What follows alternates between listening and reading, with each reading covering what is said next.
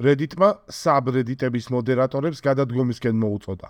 გრძელდება დრამა, რომელიც Reddit-ის ხელმძღვანელმა წამოიწყო იმით, რომ API-ზე გარშეწყვეტა ფასიანი გახადა. რასაც subreddit-ების ფართო მასშტაბიანი პროტესტი მოყვა. API-ზე დამოკიდებულმა აპლიკაციებმა კი გაქრობა დაიწყო. ამჯერად პლატფორმა მოდერატორებს მოუწოდა დაფიქრდნენ იმაზე, რომ მათი subreddit-ების მართვა უფრო ადეკვატურ და აქტიურ წევრებს გადასცენ.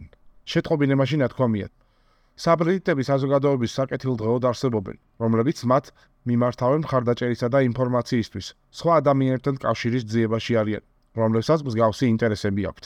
მოდერატორები ამ სივრცეებს მართავენ და მომხმარებლებსა და პლატფორმის ადმინისტრაციის ნდობით სარგებლობენ.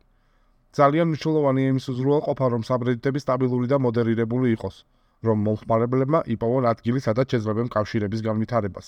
თუ მოდერატორებს შორის არის ისეთები, ვისაც subreddit-ების ხელახლა გახსნა სურს, ჩვენ მზად ვართ თანამშრომლობისთვის და განვიხილავთ არსებული მოდერატორების მოხსნას ან იერარქიის შეცვლას აღნიშნული მიზნის მისაწყვეტად თუ უფრო მაღალი დონის მოდერატორი ხელს უშლის ამას.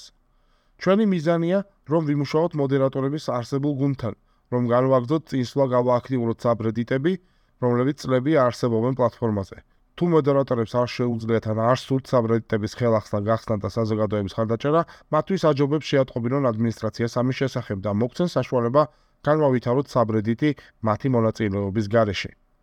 მოდერატორების ნაწილი შეშინდა და გახსნა subreddit-ი, ხოლო ნაწილი გადადგა და ადგილი დაუთმო უფრო დაბალი იერარქიის წარმომადგენლებს.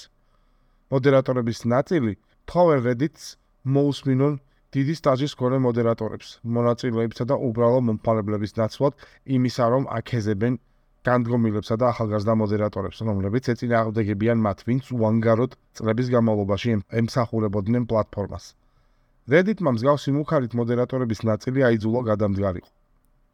მახსოვს წლების წინ Reddit-ი ინტერნეტის საოცრება იყო. პლატფორმა, რომელიც ხალხისთვის შეიქმნა და ერთგვარ საწყის გვერდსაც კი წარმოადგენდა ვებისთვის.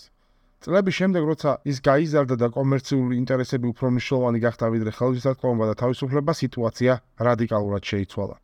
ამ ეტაპზე დეცენტრალიზებული და ალტერნატიული პლატფორმა შესაძლებელი ფუნქციონალიტეტა და ხარისხით არ არსებობს.